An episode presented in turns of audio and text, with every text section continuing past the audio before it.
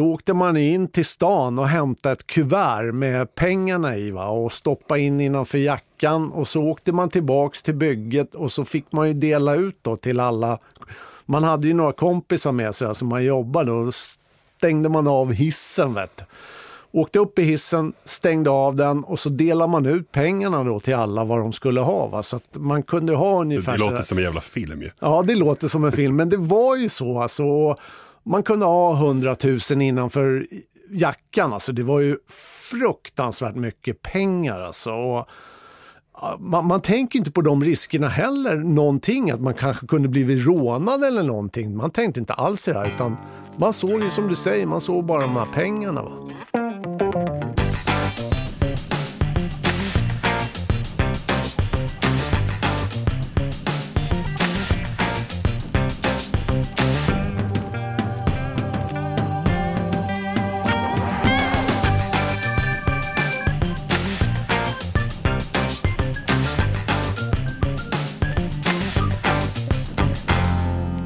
Hej, välkommen till Hantverkspodden. Kalle heter jag. På mitt yrkesbevis står det träarbetare. Jag är 27 år. Jag är väl uppväxt i byggbranschen kan man säga. Farfar var murare, morfar var timmis och farsan var ju snickare och gick vidare sen blev ingenjör. Och med mig är Anders. Hej, jag heter Anders. Jag är 52 år eh, och är också snickare. Ja. Eh, idag ska vi prata om eh, att bli blåst.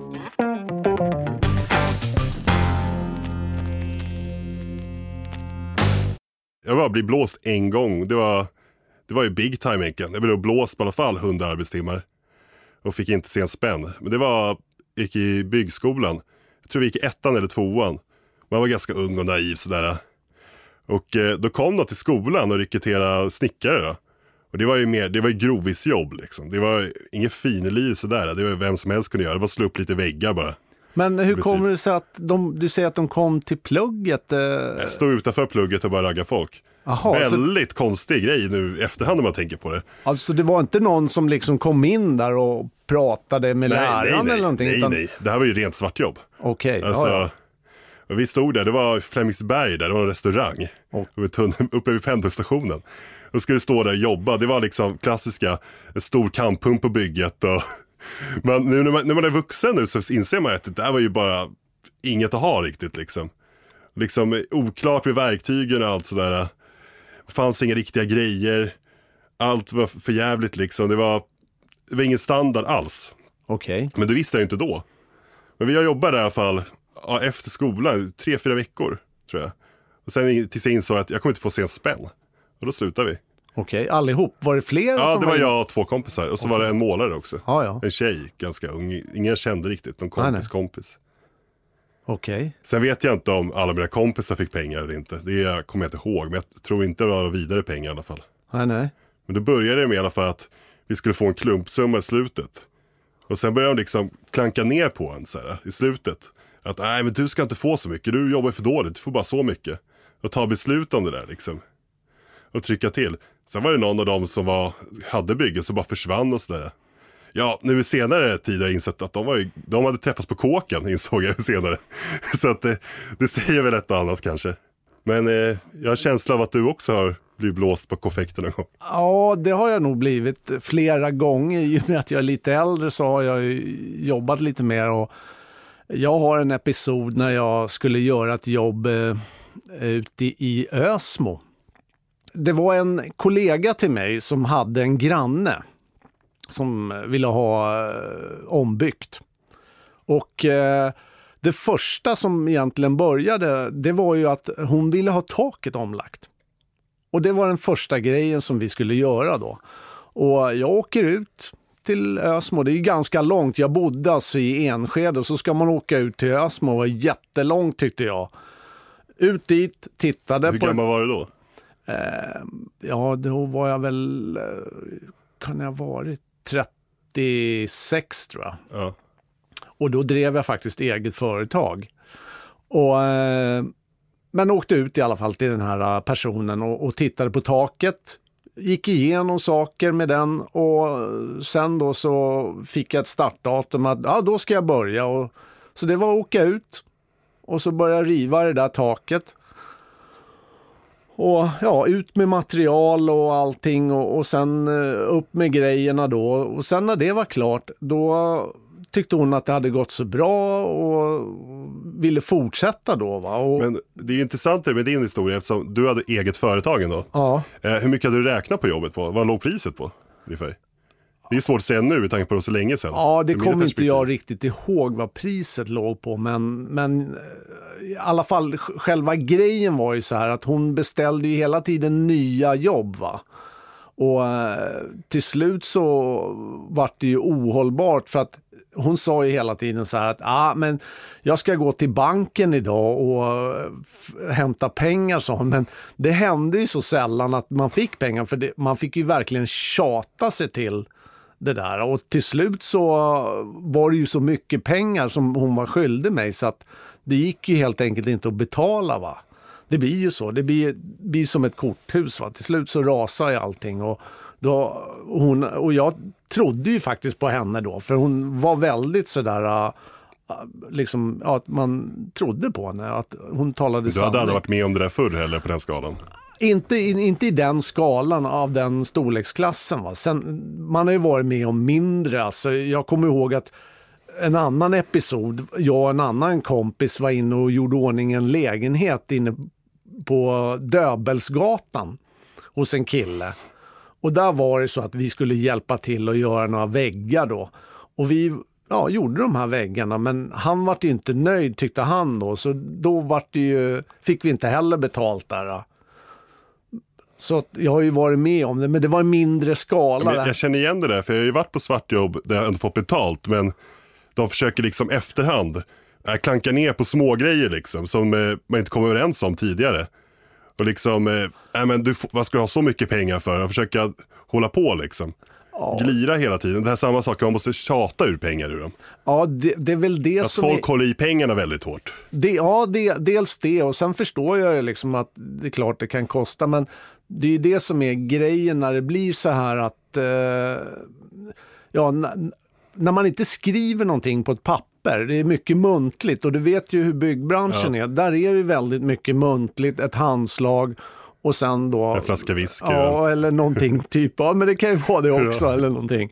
Och då kan det bli så där att, ja, blir jobbigt. Alltså, till, till deras försvar skulle jag aldrig anlita hantverkare, det är svindyrt. Alltså, Ja, i och för sig, man jobbar ju åt sig själv. ja, alltså, jag så skulle att, aldrig anlita snickare.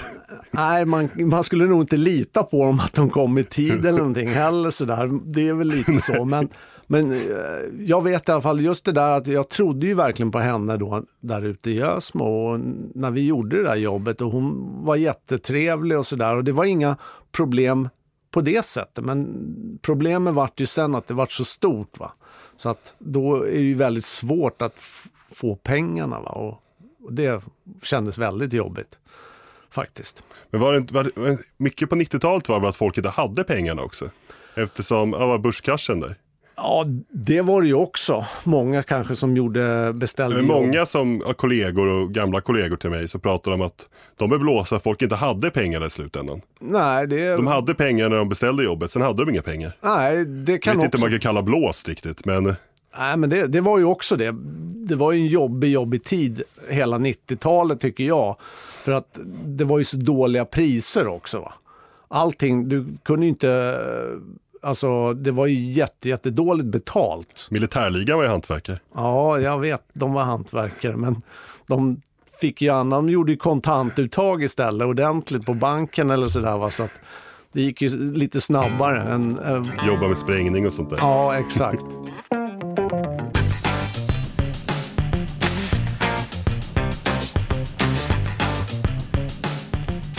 Det här är Hantverkspodden med Kalle och Anders om eh, att bli blåst.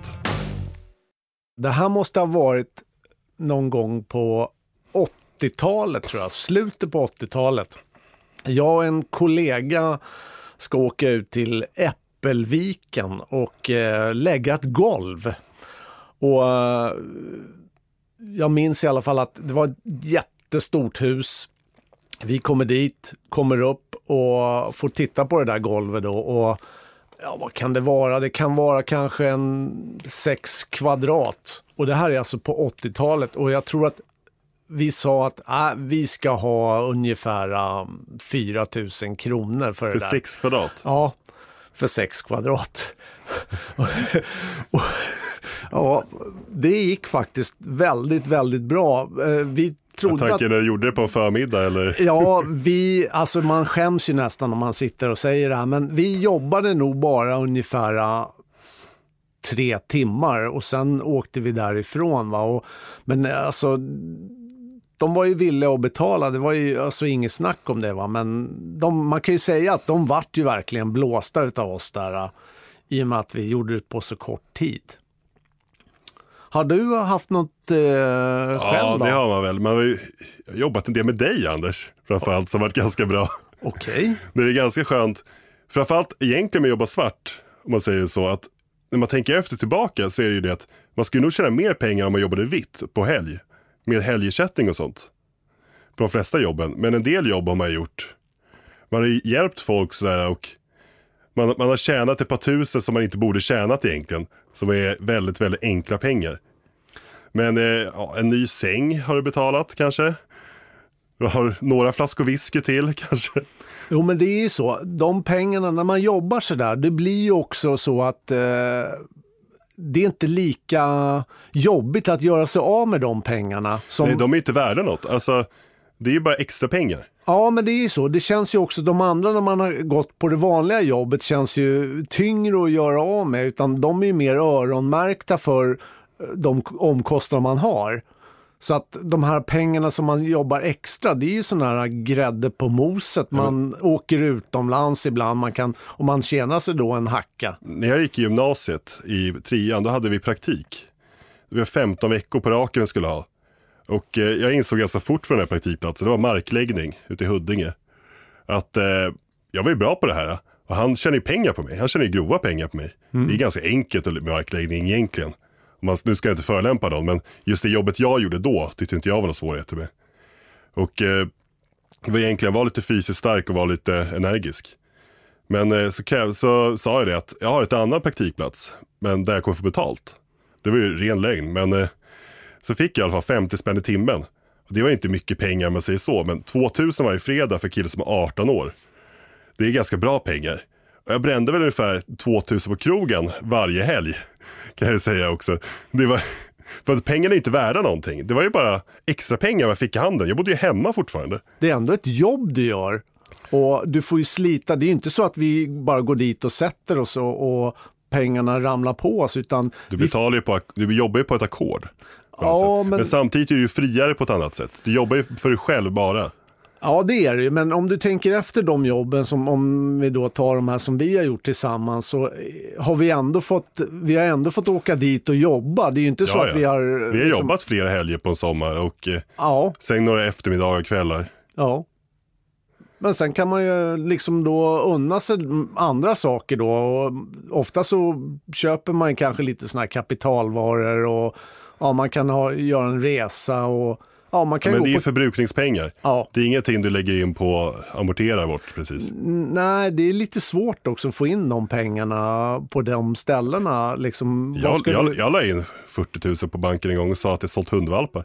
Ja, men i dagens, Jag fick läge, inga frågor. i dagens läge är det nog väldigt Alla, svårt. alla sa så här till mig, "Ja, men det kommer jättesvårt. Ja, men Jag vet, jag provar. Det gick jättebra.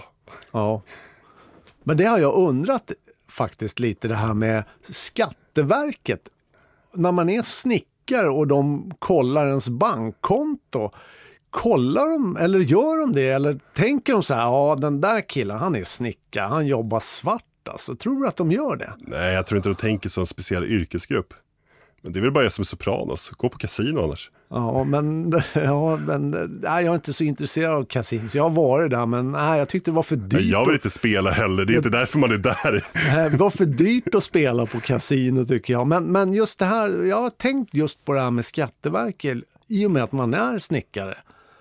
Tror de att man har jobbat svart då? Vad tror du om det?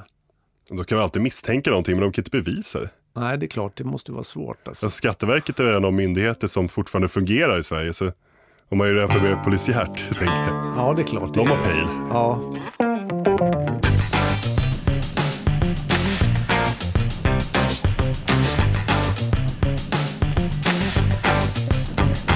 Järnkoll i samarbete med Flinks Järn.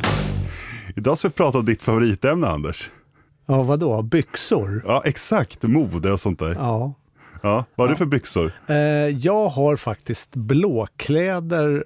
Jag tycker att de byxorna funkar jättebra. Dessutom är det ju sån här lite Justin Bieber-look på dem och jag gillar när det sitter sådär schysst. Det är skönt att känna sig yngre också. Ja, det är det. I och med Ja. att jag är så gammal. Kikki Flinksjärn, välkommen. Tack, tack. Kikki, hur ser arbetsbyxorna ut idag? Ja, det har ju hänt en hel del på senare tid på arbetsbyxor. Förut har vi ju varit väldigt vana vid de här gamla blåställsbyxorna. Och de finns självklart kvar, så ingen behöver bli Ja, orolig. det kör jag på. Ja, men det är ju såna här hängselbyxor du menar. Nej, Och men det, det, det började ju vi med. När jag började, då var det faktiskt hängselbyxor. Det fanns inga midjebyxor. nej okej. Nej, under den tiden jag har varit med, men det är inte jättelänge. Ja, men du får ju tänka på att jag är ju från eh, krittiden, alltså, så att, Okej, ja, Hemskt för Anders, det är bara fast ett par att välja på.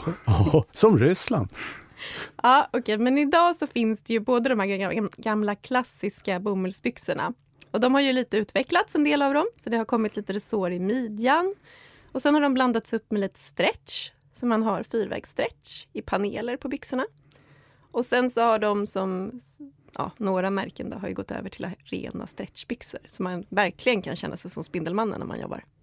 Ja, men det, så ser ju mina byxor ut. De är ju sådana här stretch på, i, i, på vissa ställen och jag tycker det, de är jättebra. Men det är ju mera jeansbyxor alltså. Ja, du har som paneler i dina byxor tror jag. Ja, Alltså, mina nya byxor som jag har fått från eh, företaget jag jobbar på, då, de är ju väldigt mycket stretch i. Och så är de låga där bak, så man får ju liksom, det är ju rörmokarbyxor egentligen tror jag. Och, eh, och sen så har de ingen klo för hammaren. Alltså, och så går de sönder. Efter tre månader så är den bara trasor av dem. Är det, är, har det blivit sämre kvalitet på byxorna än vad tidigare? Nej, det tycker jag faktiskt inte. Men däremot så har man kanske nischat byxorna mer. Precis som eh, skorna är mer nischade idag också. Alltså att vissa byxor är gjorda kanske för lite mer grövre arbeten medan andra byxor går mer åt service eller kanske de som går och hamrar lite här och där men inte ligger och krälar så mycket på golvet. Kalle, när du sa där bak, menar du att det var någon som ställde cykeln där då eller? Ungefär. Det var som en cykelställ, ja ja. Okej. Ja, men jag har en fråga. Bävernylon, är det någonting som finns fortfarande i byxorna eller? Ja, det gör faktiskt det och det händer att jag får beställa hem såna byxor men det är ingenting jag har på hyllan för det är ingen kioskvältare längre. Nej, men för det kommer jag ihåg, det var inget bra. På den tiden när jag jobbade fick man ju använda såna här vinkelkap. Och då eh, började det ju brinna i byxorna, för de där brann ju ganska bra. Ja, det är väl inte att rekommendera. Jag kan tänka mig att ganska många av de byxorna som kommer idag på marknaden som innehåller en hel del syntet. Och det gör de för att de håller färgen bättre. Och sen så det blir ett lite behagligare klimat att jobba i. Men många av dem är ju tyvärr också väldigt känsliga så det blir ju hål väldigt fort när man börjar köra med vinkelsipen. Mm. Ja, den är ju förbjuden. Man får inte, det är ju hett arbete. Men just de där bävernylon, det kommer jag Och så var de väldigt kalla på vintern. Ja, väl- varma på sommaren och kalla på vintern. Ja. Men väldigt lätta att torka av. Ja, men då är det att rekommendera att ha bomullsbyxor alltså. Ja, absolut. Och det är fortfarande bomullsbyxor vi säljer mest av. Även om det nu kommer lite roligare modeller också. Vad, är, vad är det för skillnad på olika knäskydd idag då? Det- Om man eh, ser hur det var förut. Det finns en hel uppsjö med knäskydd och eh, de har väl utvecklats en hel del också. Från början så har man haft ganska tunna knäskydd eh, som fort har blivit platta. Och idag är det ju inte så att de flesta som köper byxor är så bra på att byta ut knäskydden när de börjar bli platta. Så att därför är det ju bättre att satsa på ett par med lite högre kvalitet, kanske ett par i neopren som håller emot och framförallt om man väger lite mer så är det bra om, om knäna får lite mer avlastning. Titta Anders på mig Ja, men det, är ju- det är ju såna där, det är ju det på mina byxor. Det är ju som Göran Högosta hade, såna här tunnelbanesäten nästan, när han stod i mål där i hockey. Ja, men de är jättebra, Ja, mina knä, alltså, och långa är de också. Ja, och det är ju lite för att den nya EN-standarden på knäskydd som gjorde att, att knäskydden behövde bli lite längre för att knäfickorna skulle... Men eh, alltså, även neoprenskydd, jag, tror, jag är ganska säker på att jag har neoprenskydd. Det är, det är samma material som man brukar ha stövlar i va? Lite så här, Ja precis. som spänner ut. Man måste byta dem också. Ja, då måste man också byta Hur dem ofta förstås. behöver man byta dem? Det beror helt och hållet på hur mycket man står på knä och hur, eh, hur pass bra de är, skulle jag vilja säga. Hur pass Okej. tjocka de är. De är två, två och en halv centimeter kanske. Mm. Jag skulle säga att du kommer att känna när de liksom har gjort sitt. De, Ja. de blir kompakta och är inte lika För nu, studsiga. Jag fick en känsla av att det kanske har tre, fyra par knäskydd innestående, för de där har jag haft bra länge. Ja, nej, men det brukar vara så där att man köper ett par byxor och ett par knäskydd och sen hänger knäskydden med hela byxornas livslängd. Och det är ju Ja, egentligen de, kanske är, inte... de här har hängt med fyra, fem par byxors livslängd tror jag. Ja, då kanske det är dags att byta. Men Kalle, jag säger det, köp sådana byxor som jag. Jag lovar att du kommer alltså, älska de där byxorna. Jag tycker de är, funkar jätte, jättebra. Plus att det är väldigt långa knäskydd. Alltså. Kicke Flingsjärn, tack. Tack, tack.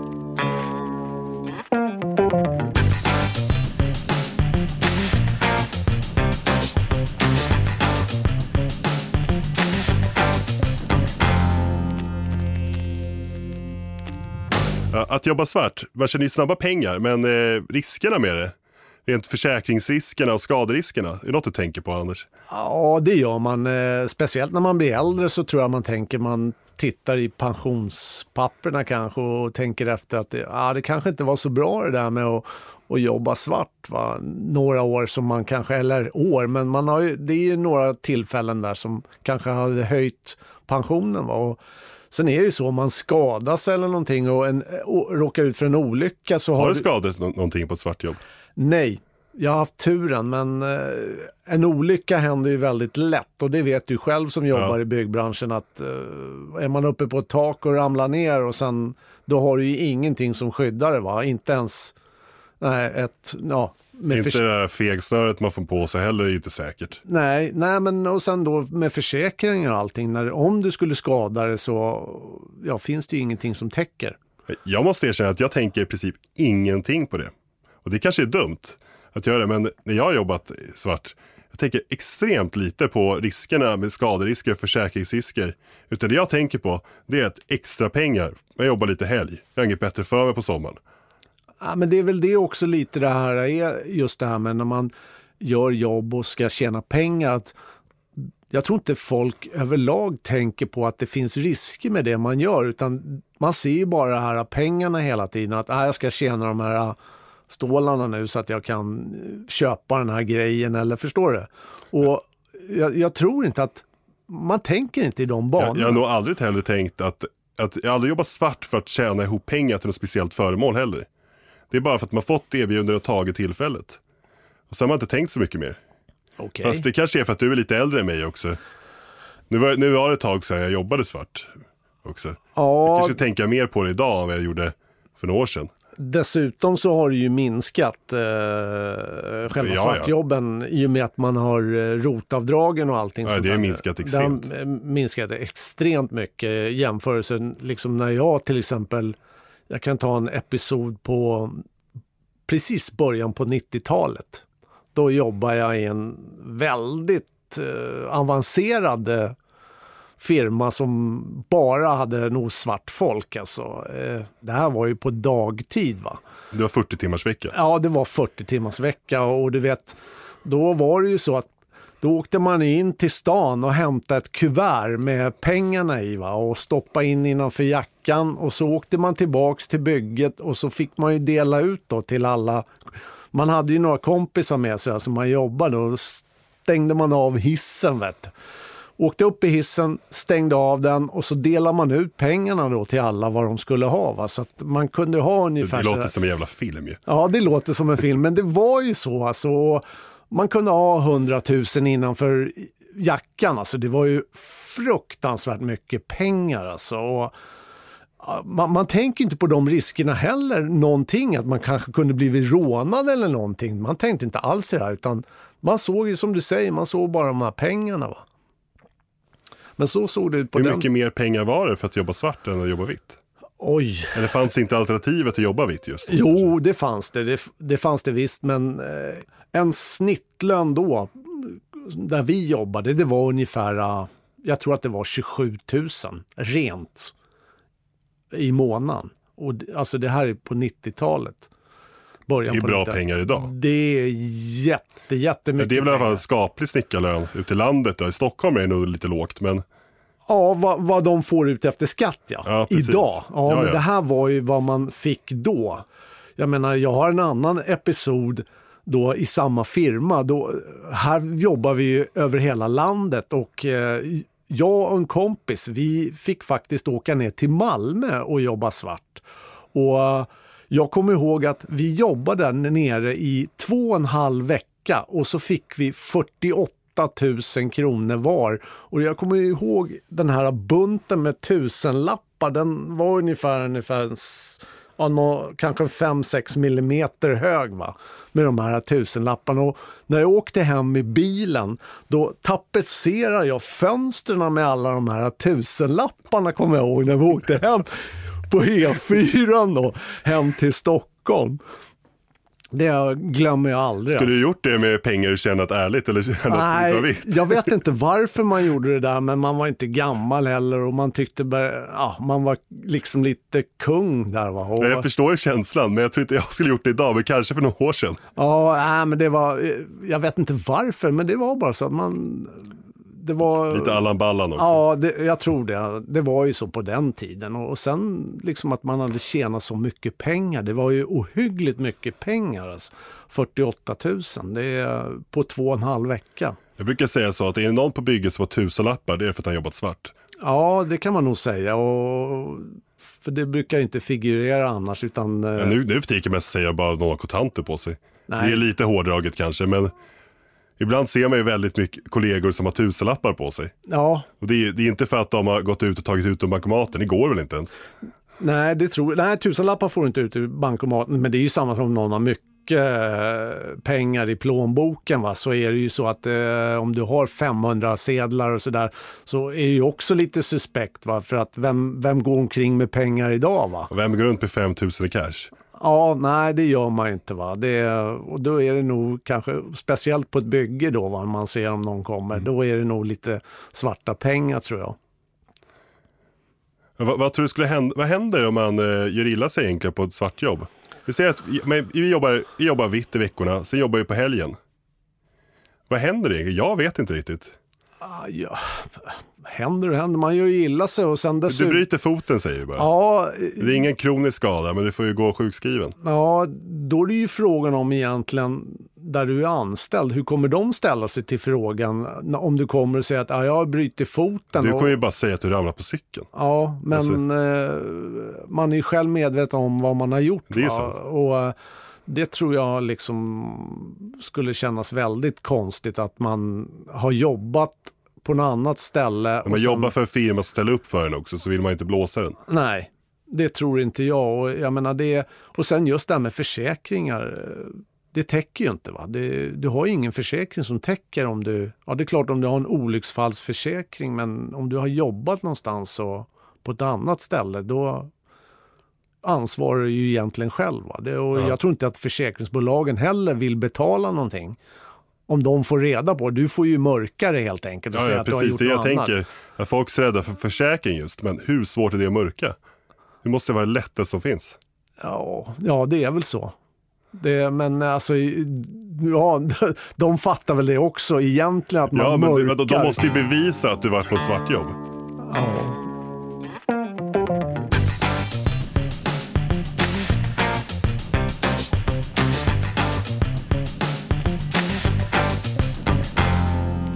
Vad tycker facket om det här tror du? Facket, ja men de gillar nog inte alls det här tror jag. Det- De är ju motståndare till allting va? när det gäller sånt va? med svartjobb och sånt. För att det är ju för deras medlemmars skull. Och jag kan ju förstå till viss del att, det har, att de tycker att det är, men samtidigt Det är deras så... medlemmar är oskyddade. Ja, det är, det är, det är sant. Alltså, byggbranschen har en ganska stark facklig tradition. Den har ju blivit bra mycket svagare. Och stor del av den fackliga verksamheten handlar ju om att värva medlemmar nu för tiden. Känns det som. Ja, det känns ju som det. Och, och, Det känns som att det, det största de gör av byggnadsarbetaren, Byggnads tidning, det är att de försvarar sin egen existens. Ja, det har väl blivit lite så att facket har eh, lite spelat ut sin roll också sådär. Det, alltså om jag jämför då när jag började 1981 och skulle börja på byggena, då kom jag ihåg att den basen jag hade där, det första han frågade mig, det var om jag var med i facket. Och eh, som tur var så var jag det för att min lärare tipsade alla oss som började i skolan då att se till att ni går med i facket, det är det första ni gör. Annars så kommer ni inte få något jobb ute på arbetsplatserna och så var det faktiskt. Så var det inte när jag började jobba. Men eh, däremot så kom jag ju med i facket automatiskt via skolan. De var ju där i princip och rekryterade en. Fick man skrev, alla skrev på papper där, det var ju inget snack om att någon skulle hoppa över det. För att det var ju gratis så länge man gick i skolan. Va? Sen så, byggfacket är ju inte jättebilligt. Nej, det Vi är... brukar ju skämta om att det är Sveriges dyraste tidning. Det Ja, det är kostar eh, 600 spänn i månaden. Och det är, det, är inte bara, det är inte bara att du betalar eh, fackavgift och tidning eller men allt det där. Sen har du ju även det här granskningsarvodet. Och så Vad har är det för någonting? Eh, de granskar ju alla företag att de eh, sköter sig då, företagen, att de betalar de här sociala avgifter och allting för de anställda då. Och eh, då tog, jag vet inte om det finns kvar, men eh, så var det förr i alla fall. Och jag vet inte vad du betalade per år och sen dessutom, när jag började så jobbade man ju på ackord. Och då eh, mätte man ju jobbet och då har man ju alltså två parter, arbetsgivaren och sen då de som arbetar och då är det ju facket mot Byggmästarföreningen. Hur funkade det med att jobba på ackord? Det har man hört så jäkla mycket om. Eh, ja, det funkar ju så att eh, man, man gör ju alltså, man mäter jobbet. Alltså det finns ju en lista, det fanns en lista då, vad, hur mycket man fick för att spika 100 meter form och hur mycket man fick för att gjuta 100 kubik betong och sådär. Och när man mätte jobben, det gjorde man ju efter eh, 12 veckor man har jobbat. Man har jobbat 12 veckor, då mäter man jobbet sen. Och då kom det då ifrån facket, en, eh, från våran sida då, som hjälpte oss då för att mäta jobbet då, att vi skulle få tjäna pengar då. Men då fick man en, man fick en månadslön plus ackordet, eller hur var det? Nej, man fick, eh, man hade en grundlön. Du har en grundlön, sen utöver det så har du ett ackord. Så att var tolfte vecka sen så räknar man ju, räknar man ju av då själva... Med ett bonussystem typ lite som ett bonussystem, ja. Men i alla fall, det jag vill komma till att de här fackliga representanterna som kom då till eh, bygget då för våran del, Eh, de kostar ju pengar och det var ju vi som jobbade på bygget då som fick betala det där. Så att var man väldigt många så var det ju väldigt stora summor som betalades då till facket. Så att det tyckte jag var lite halvjobbigt det där, men så är det ju. Och, men nu är det inte samma sak idag tror jag, för idag har man inte på... Men förut, förr, det brukar ju snackas om gamla gubbar som pratar om baspengen också. Ja, det fanns ju, men den fanns inte kvar på min tid när jag Vad började. var det för någonting egentligen? Baspengar var ju att eh, när man fick det här ackordet sen, killarna när de hade fått det, så betalar man basen då lite pengar för att han hade fixat jobbet så att säga. Att han hade då också eh, suttit in och mätt jobbet då och sett till att det hade gått bra så att man tjänade pengar. För de kunde, en del lag kunde ju tjäna väldigt, väldigt bra pengar om man hade en bra bas som var duktig då och med pennan som man sa och hade skrivit ner allting och var noga med tid och allting. Så att eh, då kunde man ju verkligen göra pengar också på ackorden. Jag hör ofta när jag, man sitter i fikarummet och snackar, så här, man kommer in på facket, då säger folk ibland att man behöver inte med facket så länge firman är fackligt bunden. Och jag har väl hållit med någon gång i det, men jag har aldrig fattat riktigt vad han pratar om. Vad betyder det? Ah, ja, det... Nej, men var med i fack, alltså facket var ju bra att vara med från början tror jag för att eh, eh, på den tiden så var det ju mycket saker det här med övertid och allting och så att man fick eh, ut rätt pengar och sen tror jag längre tillbaks i tiden så var det ju också det här med hur det såg ut på byggena att man kanske inte hade något bra omklädningsrum och, och man kanske hade inte någonstans att, att, att sitta sitta och förstår du vad jag tänker? För så kan det vara lite idag. Idag är det nästan att det har gått tillbaks lite. Att i och med att facket inte kanske är lika starkt. Så Det är också en del det att det är väldigt mycket små byggen så tar man inte ut en byggbod riktigt. Nej, men man prioriterar kanske inte arbetarnas utan då kanske du får sitta nere i källan då på en sån här äh, färgburk och, och sen har någon Alltså förstår vad jag Ja, jag menar? förstår och det du har ju menar. varit på en del ställen man kanske har varit där det inte har kanske varit den bästa. Ja, men det är ofta mindre jobb. Men det spelar ju egentligen ingen roll för att facket säger ju att det ska vara en viss standard va och jag menar det har ju gått till... Omklädningsrum, dusch, Ja, ja, dusch. fikarum. Ja. Och jag menar det har ju gått till- Gratis kaffe är väldigt viktigt. Ja, också. gratis. Det vet jag inte om facket säger, men det brukar Nej, ingå ändå. det, det tror inte jag facket säger om gratis kaffe. Men just det här med att man kan ha någonstans att sitta och man kan ha, eh, laga, eller värma sin mat och allt det här. Va? Det, har ju, det har ju försvunnit lite det där i och med att facket kanske inte har samma styrka idag som de hade förr. Facket har ju väldigt dåligt rykte också, just för att byggfacket har ju varit med väldigt mycket korruptionsskandaler. Och det är framförallt nässlingen där. Det vet de flesta i byggbranschen jag pratar om i alla fall. Ja, du, du kan ju bara ta den senaste, det här med svartjobb också. De hade ju där egna svartjobb, eller de Vi jobbade... kanske tar vad nässlingen är. Ja, näst- Nässlingen är en facklig investering är det väl? Det är en ö uppe i Roslagen. Ja, det är en ö uppe i Roslagen. Där har vi, Konferensgård kan man säga. konferensgård. Där får man ju åka ut och ha konferens. Jag har även själv varit där ute och haft sådana här konferenser med facket då när man jobbade på bygget. Så att, visst är det så. Att, men det blir ju alltid så med sådana här stora. Det är, är ju, du Ja, ser, men att, de, att de som bygger på den ön inte är fackligt anslutna utan är svartjobbare. Ja, ja, det var inte där jag tänkte. Utan jag, Var det tänkte inte det? jag tänkte ju mer här inne i, i stan där, inne på vid Odenplan, va, där du har fackförbund, Byggnads. Va. Där var det ju någon, de jobbade svart där uppe när de byggde om tror jag. Och det vart ju ett väldigt hallå Det kan man förstå. Ja, det var liksom lite på fel ställe. Men de- sen, nej, jag kommer ihåg när vi var, jag gick i skolan och så var vi på en friluftsdag, frilufts ska man säga, det var väl studieresa. Då var det ute på Nässlingen. Med hela klassen var där. Och så var det fackis och prata. Vi åt, ja, det var, vi åt lunch på restaurangen där.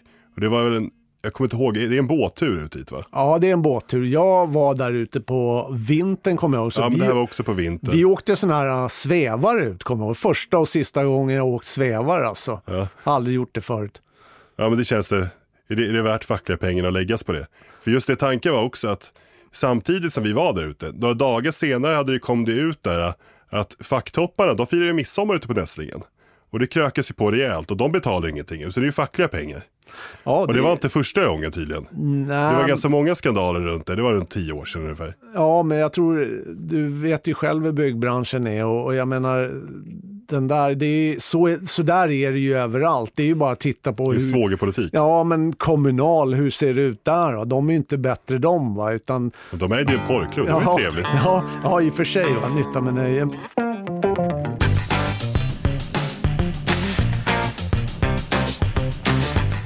Här var Hantverkspodden med Kalle och Anders, vi hörs om en vecka. Ha det så bra. ha det så bra! Hantverkarpodden görs för Radio Play av produktionsbolaget Munk. Ett poddtips från Podplay. I fallen jag aldrig glömmer djupdyker Hasse Aro i arbetet bakom några av Sveriges mest uppseendeväckande brottsutredningar. Går vi in med hemlig telefonavlyssning och, och då upplever vi att vi får en total förändring av hans beteende. Vad är det som händer nu? Vem är det som läcker? Och så säger han att jag är kriminell, jag har varit kriminell i hela mitt liv men att mörda ett barn, där går min gräns. Nya säsongen av Fallen jag aldrig glömmer på Podplay.